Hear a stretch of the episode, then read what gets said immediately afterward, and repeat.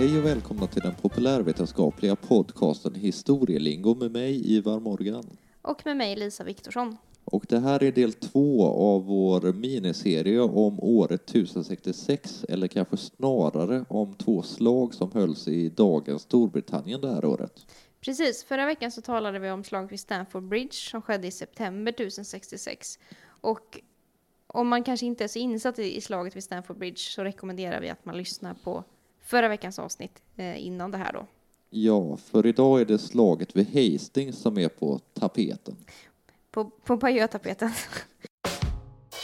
Ja, ja, ja, halvkast skämt, men vi fortsätter. Eh, ja, in, innan vi liksom går till själva slaget så kanske vi ska sätta scenen. Vad alltså förutsättningarna för det här slaget, varför det uppkom. Ja, vi kör väl lite musik och sen så drar vi igång detta spännande avsnitt. Mm.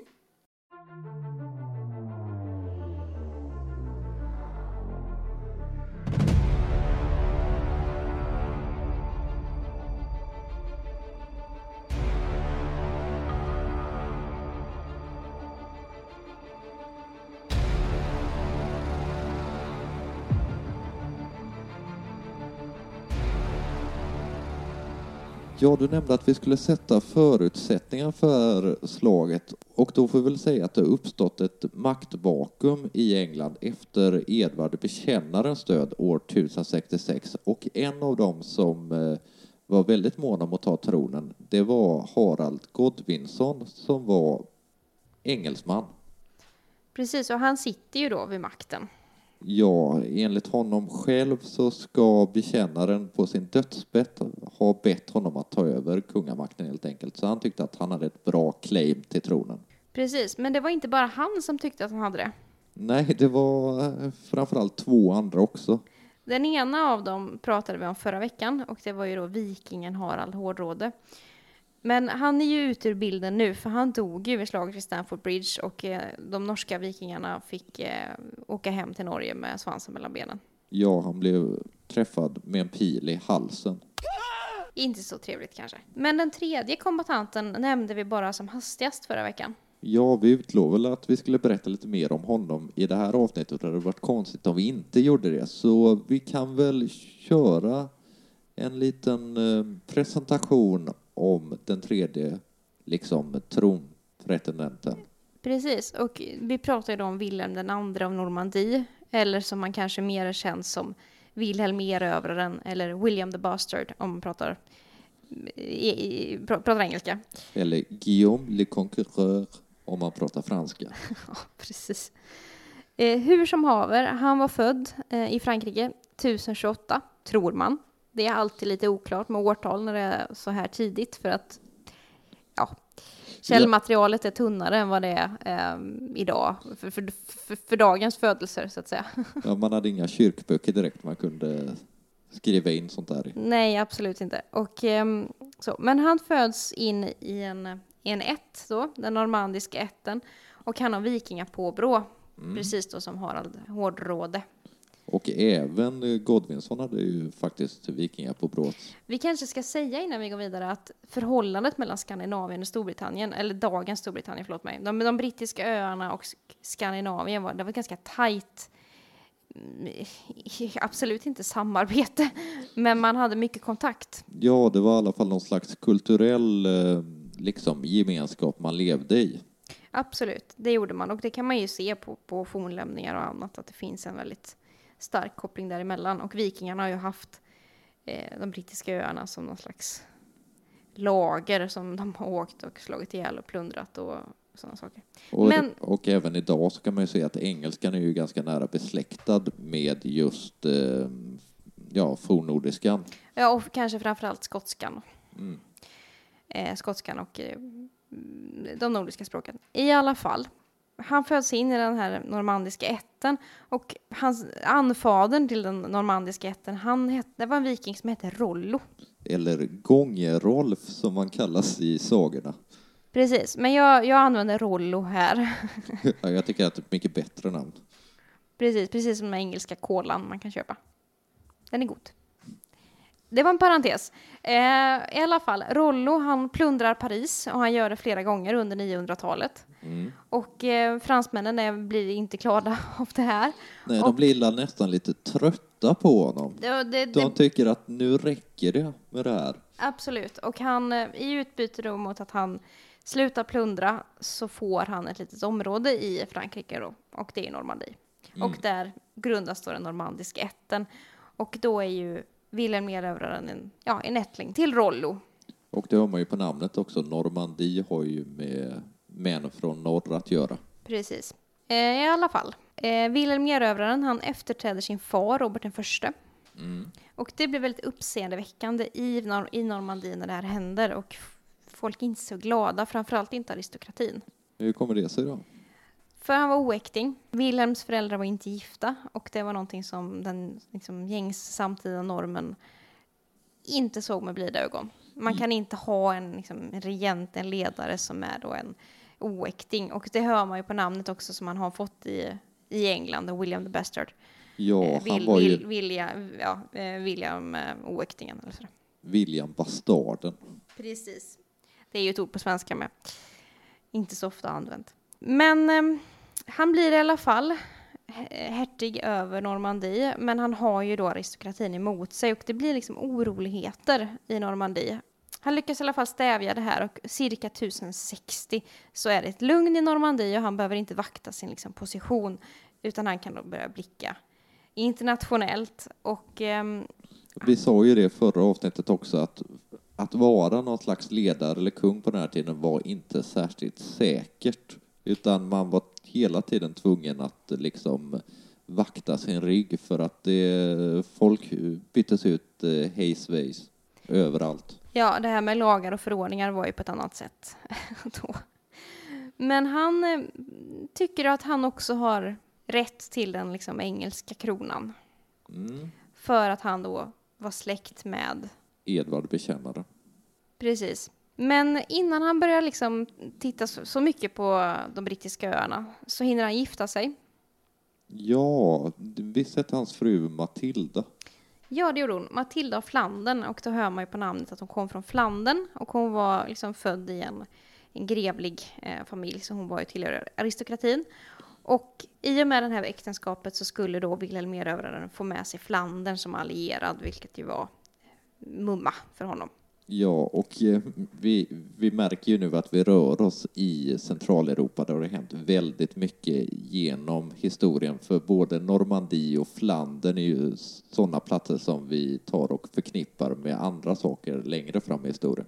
Precis. Värt att nämna är att äktenskap på den här tiden, det var ju framförallt en politisk handling. Det var politiska allianser. Det var inte främst familjeliv och kärlek som var det viktiga. Framförallt inte då i de här liksom, aristokratiska kretsarna. Nej, det gällde ju liksom att eh, styra bort krig och sånt och skapa allierade. Ja.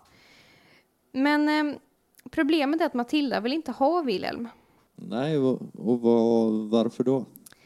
Därför att han var en oäkting. Ja, Och- man kan ju inte gifta sig med en bastard. Nej, och hon tyckte att det hade med status att göra. Att eh, eftersom att han inte var då född i det kristliga äktenskapet så mm, ja, det var i dåligt anseende och hon ansåg sig stå högre än honom moraliskt och statusmässigt.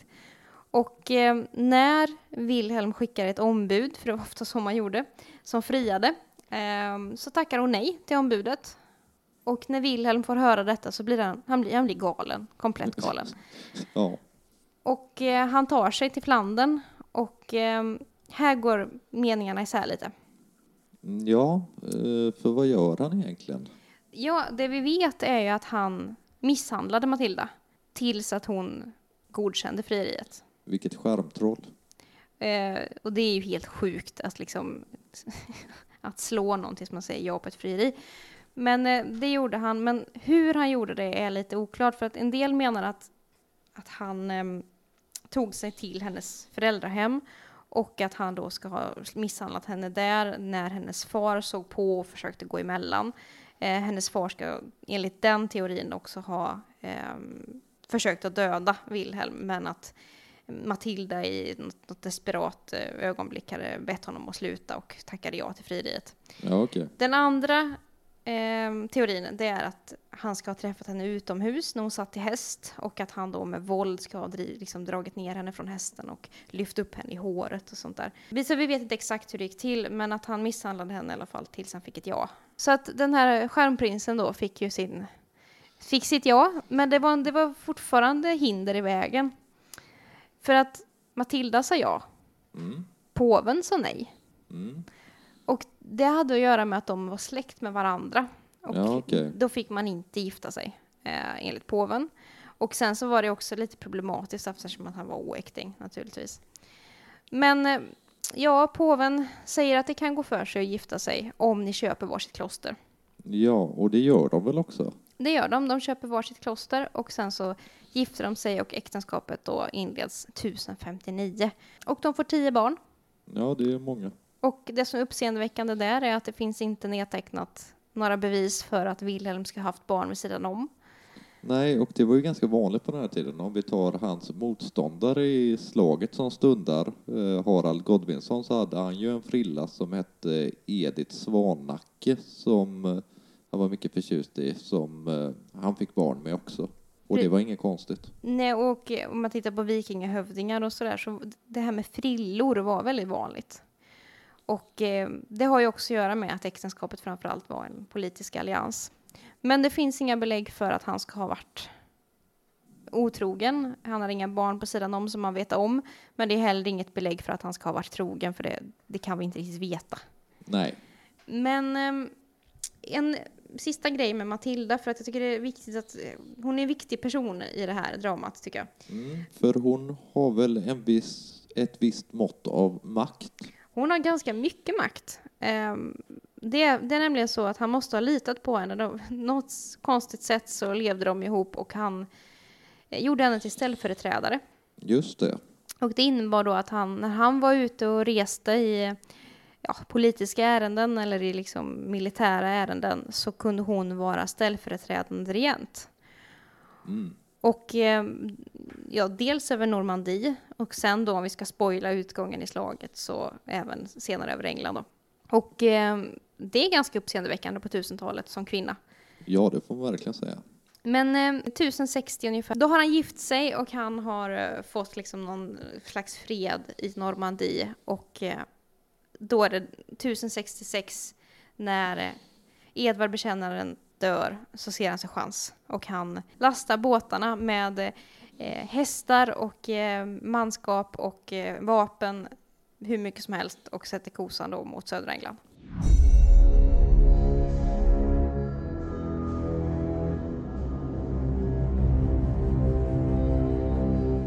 Ja, han, eh, han låg ju och lurade ganska länge faktiskt i, eh, på ett ställe som heter saint valery sur somme Där han hade 700 fartyg och eh, vinden var lite fel. Vi kan ju bara jämföra de 700 fartygen med de 200 som vikingahären som eh, eh, Harald Hårdråde hade med sig från Norge. Ja, precis.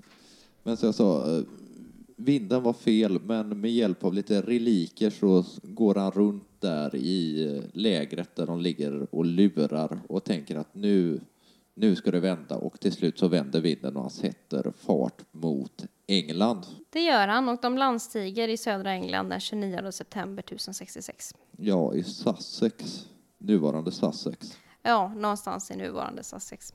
Och det är ju då den här hären som Wilhelm har med sig består ju då av normander eh, och folk från Bre- Bretagne och Flandern som han då är allierad med. Ja, han har en hel del hästar också, vilket kommer vara lite viktigt lite längre fram. Mm. Eh, engelsmännen å sin sida, de, är ju, de har ju precis haft ett slag Ja, i de Stamford Bridge. Ja, de är ju ganska trötta vid det här laget.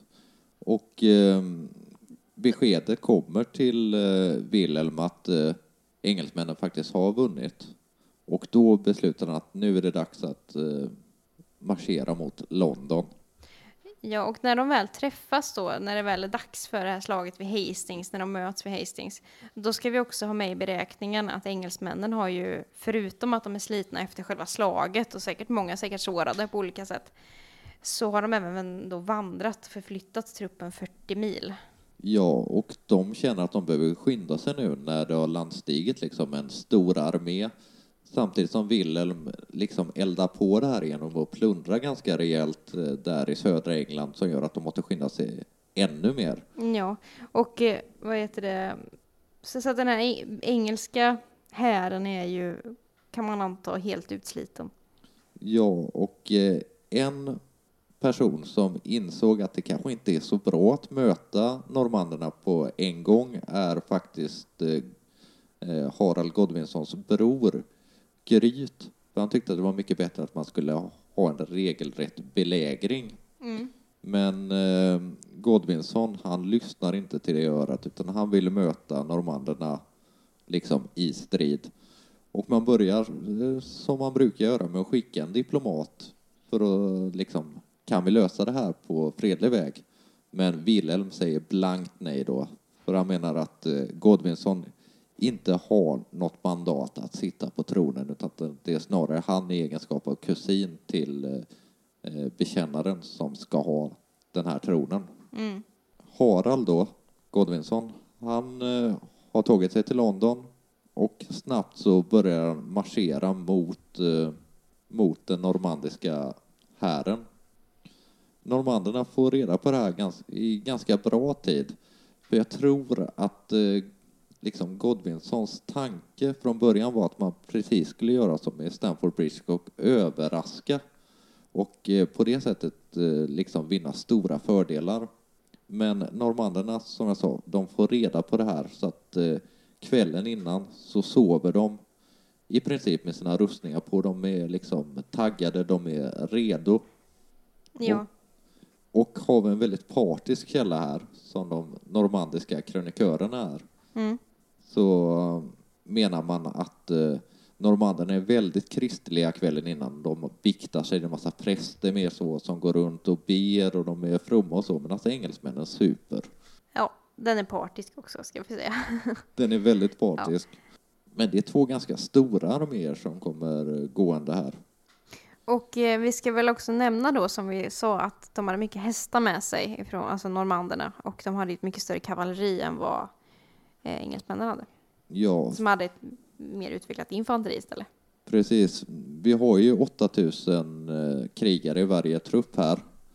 Eh, och engelsmännen, de kan ju liksom den här eh, terrängen ganska bra. Så de väljer att positionera sig i en sluttning. Så de har en eh, ås i ryggen och sen så har de skog på bägge sidorna. Mycket på grund av att inte lämna några flanker liksom, eh, eh, vad säger man? Ja, öppna. Ja, precis. Fria. Precis, att inte lämna några flanker fria. Så de står där och trycker. Och eh, Wilhelm å sin sida, han har ju tre olika typer av eh, krigare i sin här. Mm. Det är eh, bågskyttar, Ja. Eh, det är infanteri och det är kavalleri. Och tanken då är att eh, bågskyttarna ska skjuta först, skapa oreda, sen ska infanteriet komma inspringande och bryta upp den här truppen. Och sen så ska då kavalleriet komma och hugga ner resten. Så att de, de står ju liksom inte blandat inför det här slaget utan han, de har ju delat upp dem i tre grupperingar, tydliga grupperingar, till skillnad då från engelsmännen som står väldigt, de står ju samlade. Ja, och Godwinsson hade ju också tänkt till för att eh, slaget sker ju i en sluttning så att han har ju överläget eftersom han slåss i nedförsbacke helt enkelt. Ja, Och det är ju alltid mycket bättre än att slåss i uppförsbacke. ja naturligtvis. Det var intressant det du sa med att eh, engelsmännen inte hade något eh, kavalleri. Mm. Det är lite av det här vikingarvet som går igen för att det var många engelsmän som kom dit på hästar men när det väl var dags för, eh, för slag så gick de av hästarna och de eh, hade stora yxor. Det är också en sån här vikingarest som lever kvar medan eh, eh, då normanderna slåss mer med svärd. Ja, som man gör nere på resten av kontinenten liksom. Och normanderna hade ju även lansar, vilket är ju ett fruktansvärt vapen när man kan dundra in i folk med häst och lans. Ja, natur- det, det såg dåligt ut för engelsmännen. Och klockan nio på morgonen den 14 oktober 1066 så ljöd trumpeterna. Och eh, det första som händer är då att ett, eh, precis efter Wilhelms planer så avfyras ett regn av pilar emot eh, engelsmännen.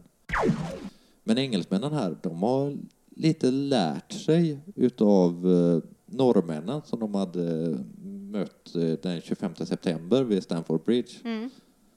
För de har bildat en så kallad sköldborg, det var vi inne på förra gången. Nej, men det är att man står i en, ehm, ja, i en cirkelformation och skyddar sig med sköldar. Så att man liksom ska ha, man håller varandra ryggen på ett sätt liksom, för att man har, man har inte ryggen fri. Och eh, de hade dessutom tagit sköldar ovanför sig kan man säga. Mm. Så att de här pilarna gör inte särskilt mycket. Nej, det, man, det blir som en sköldpadda liksom. Precis, och det är nu som infanteriet börjar trava upp för backen, det vill säga det normandiska infanteriet. Eh, och de lider ganska mycket av det, här, för det slungas projektiler och stenar, kastyxor och det är allt möjligt som kommer emot dem. Men de lyckas ta sig fram liksom till flanken. Eh, en lite rolig detalj är att eh, engelsmännen inte hade särskilt många bågskyttar, vilket är lite konstigt. För engelsmännen är ju kända för att ha duktiga bågskyttar. Ja, det är, lite, det är väldigt konstigt faktiskt egentligen att de inte hade. Men Sen ska vi, sen ska vi ju också ha med oss att det här är en stukad armé. precis, för det tror man är förklaringen att eh, de bågskyttar de hade hade gått åt vid Stamford Bridge för man hade helt enkelt inte haft tid att eh, skaffa några nya. Nej, det är ju bara ett par veckor som liksom skiljer de här två slagen åt. Och det är ju alltså de två största kanske, eller i alla fall mest avgörande slagen i Englands historia och de sker ju då på mindre än en månad. Ja. Men vi har kommit fram till det, liksom den stunden då infanteriet är framme och de börjar slåss och det händer inte så mycket. Man lyckas inte liksom eh, bräcka den här igelkotten som den här sköldborgen egentligen är. Eh, så man sätter in eh, kavalleriet också. Men eh, igelkotten står pall. Och sen så helt plötsligt i det här liksom larmet, det är skrik, det är död, det är blod. Så börjar det, jag tänkte säga viskas, men så är det nog inte, utan ropas i den normandiska hären att Wilhelm själv är död. Mm. Men eh, så, så var det inte. Nej, så var det inte. Han skulle leva länge till. Eh, Och för att liksom bevisa det här, och det här vet man väl inte om det är helt sant egentligen, utan det kan ha mycket att göra med att man ska glorifiera ledaren, men det berättas i alla fall, bland annat på Bayeux-tapeten som vi kommer in på lite senare, Mm. att Wilhelm då ska ha tagit av sig sin hjälm för att visa sina trupper att eh, jag är i livet. Så ska han skrikit något i stil med att nu måste vi kämpa framåt och sen sporrat sin häst och eh, börjat meja ner britter då. Och eh, för britterna hade liksom deras flank hade brutits upp lite för de hade börjat följa efter normander som låtsades fly, bland annat Wilhelm. Mm. Och eh, det här var en ganska taktisk manöver. För då kunde man ju komma in med sitt kavalleri och bara meja ner dem. Så det här Ja. gjorde man gång på gång och av någon konstig anledning så förstod inte Harald Godwinsson vad som pågick. Och det är lite konstigt eftersom att det var just det som de hade gjort mot norrmännen. Att de hade loss, liksom, låtsats fly och sen kunde liksom överraska tillbaka. Ja, det är väl svårt att tänka sig egentligen vad man tänker en sån... Ja, det, vi, det vi kan ju inte veta. Äh, på, på många sätt så agerar ju engelsmännen på samma sätt som norrmännen agerar vid Stamford Bridge. Ja, de hade i alla fall lärt sig någonting. Och den här striden då, den böljar fram och tillbaka hela dagen och sen så kommer vi in på eftermiddagen och eh, nu känner väl normanderna att eh, om det fortsätter så här att det bara är någon slags eh, status quo så kommer vi inte vinna det här. Så nu gäller det att göra någonting riktigt för att kunna fortsätta. Ja. Ett sista ryck helt enkelt, all or nothing. Ja. Så då testar man det man hade testat på morgonen en gång till. Man låter bågskyttarna eh, skjuta furiöst. Och det här funkar den här gången. En anledning är ju att den här igelkotten är lite uppbruten helt enkelt. Och eh, de som står längst fram nu, de har inte lika bra rustningar som de som stod längst fram i frontlinjen på morgonen. Nej. För de hade gått åt. Och det låter alltid så brutalt när man säger så. Att det, det, är ju människor som dör alltså när man säger att, att, att de går åt. Ehm, men det här var, det var tuffa tag. Det var tuffa tag. Bågskyttarna siktar högt och eh, ett regn av pilar regnar över engelsmännen och en av de här pilarna träffar Harald Godvinsson i ögat. Och eh, ja, det är väl lite osäkert om den egentligen träffar i ögat eller inte. Vi vet inte riktigt vad som hände. Enligt vissa källor så ska det ha varit Wilhelm som lyckades bryta igenom liksom eh, den här linjen av soldater och komma åt den andra kungen och döda honom själv. Och andra källor, till exempel Bajötapeten, visar att han får en pil, ramlar av sin häst och eh, ena benet blir avhuggen. Och vi kan väl tänka oss att den här första teorin här är någon slags propaganda. Ja, det får vi nog nästan utgå ifrån tror jag. Och det här blir ju då vändpunkten i slaget. Britterna börjar sakta men säkert fly. Ehm, Det här baneret som alltid finns vid kungens sida, i britternas fall en röd drake, Mm. det omringas och alla huggs ner. Och normanderna vinner helt enkelt. Och ehm, det här har ju varit en väldigt blodig strid. Ja, absolut. Och eh, det ligger liksom högar av kroppar på slagfältet. Och det är väldigt svårt att veta om kungen är död egentligen. För att man känner inte igen liken helt enkelt. Nej, det, det, det måste ju varit rörigt utan dess like, tänker jag. Och då, när man väl har vunnit, så tar man faktiskt in den här eh, frillan jag nämnde förut, Edith Svanacke. Och hon får gå runt, ja, det här är ju ganska groteskt, men hon fick gå runt liksom och försöka identifiera kroppen av kungen. Så på olika, på själva kroppen då, inte ansiktet. Och det gör hon ju då också.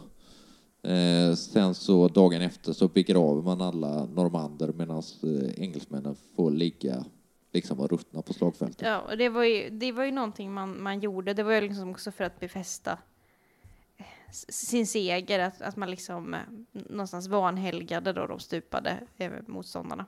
Mm. Och eh, därmed är slaget vunnet. Mm, sl- slaget är vunnet, men inte hela riket så att säga. Nej, Utan det, de kommande månaderna så blir det några mindre slag eh, runt om i England. Men Vilhelm erövraren, eh, han vinner och på juldagen eh, 1066 så kröns han till eh, kung.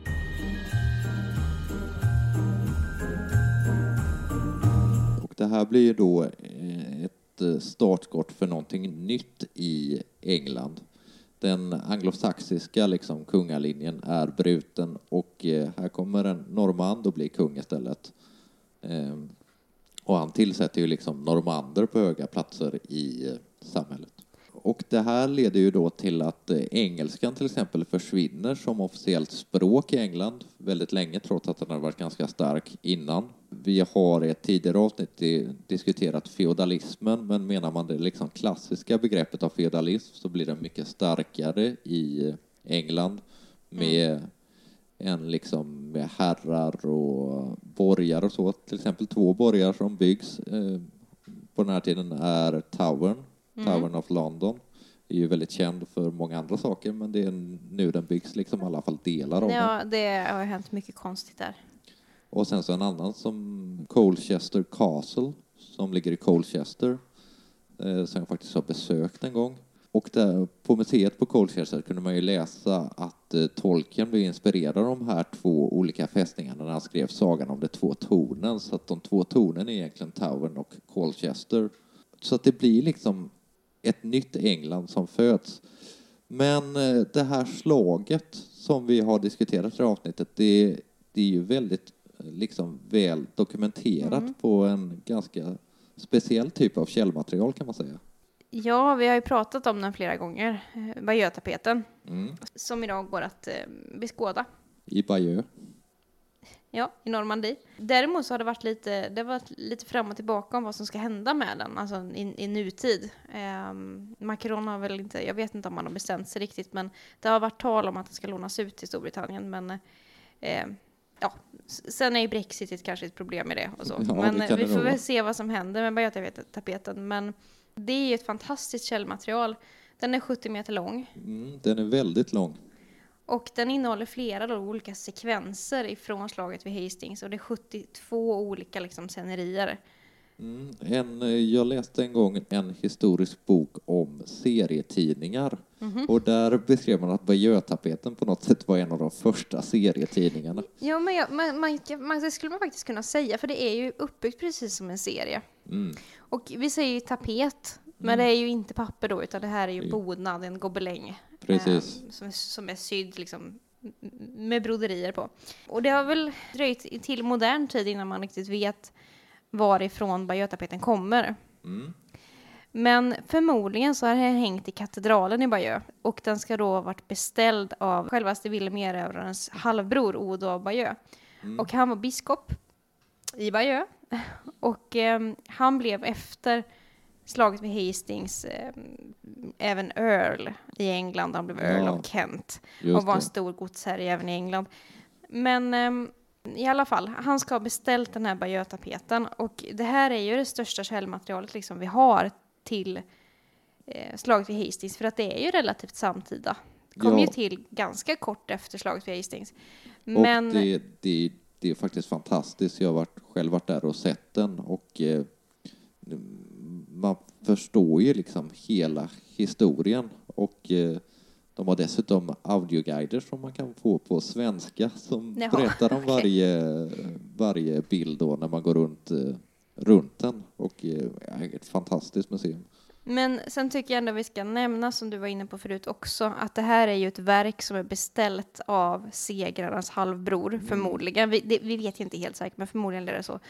Och eh, vi vet ju inte hur mycket propaganda som Bayeux-tapeten innehåller, förmodligen en hel del. Förmodligen eh, större delen. Ja, eh, att, att den anledningen till att den tillkom var ju förmodligen för att liksom stärka Wilhelms rykte och liksom höja upp honom till någon slags liksom krigarhjälte. Så. Men, men det är helt otroligt att den under tusen år faktiskt har blivit eh, bevarad och så intakt som den faktiskt är. Mm. Det är helt otroligt. Det är Ja, få- helt fantastisk. det finns ju få källmaterial från den här tiden som är så välbevarat som Bayeux-tapeten. Det var väl det. Det var väl det omslaget vid Hastings. Kanske det, den mest kända händelsen i Storbritanniens historia. Och en sak som vi glömde nämna i förra avsnittet om Stamford Bridge är att det ju faktiskt finns en fotbollsarena som heter Stamford Bridge i London som tillhör Chelsea. Ja, det, det är lite roligt. Eh, någon, någon typ av historiebruk får vi väl Eh, snacka om. ja, Men det, det här har varit två väldigt roliga avsnitt att göra faktiskt. ja, det var ju som vi var inne på förra veckan. Det här är någonting som är ganska annorlunda emot vad vi brukar prata om i historielingo. För att ingen av oss, om vi ska vara helt ärliga, är ju expert. Medeltidshistoriker. Nej, varken liksom medeltidshistoriker eller eh, militärhistoriker. Ehm, så det finns säkert människor som kan det här väldigt mycket bättre än oss och som säkert har invändningar på vad vi har sagt. Och, ehm, men vi gjorde vårt bästa i alla fall eh, för att göra de här två avsnitten. Ja, och jag tyckte att man rycktes med lite i den här tiden. Ja, och vill man komma i kontakt med oss så kan man göra det via mail. Ja, vi har en e-mailadress som heter eh, historielingo@gmail.com Och så kan ni hitta oss på Instagram också, där heter vi historielingo. Och lämna gärna ett omdöme i er eh, lokala poddapp. Precis, för att eh, vi är en ideell podcast och ehm, Uppmuntran är bra. Ja, det är roligt om vi kan bli fler lyssnare. Men ehm, detta om tusentalet. Nästa vecka ska vi flytta fram till eh, skarven mellan 18 och 1900-talet och prata om en tragisk händelse. Det ska vi göra, ett av Sveriges mest uppmärksammade kriminalfall Det så kallade Yngsjömordet. Och dess efterspel. Men jag hoppas att vi hörs då och ni får ha det väldigt bra till dess. Ha det gott! Ha det gott. Hej. Hej.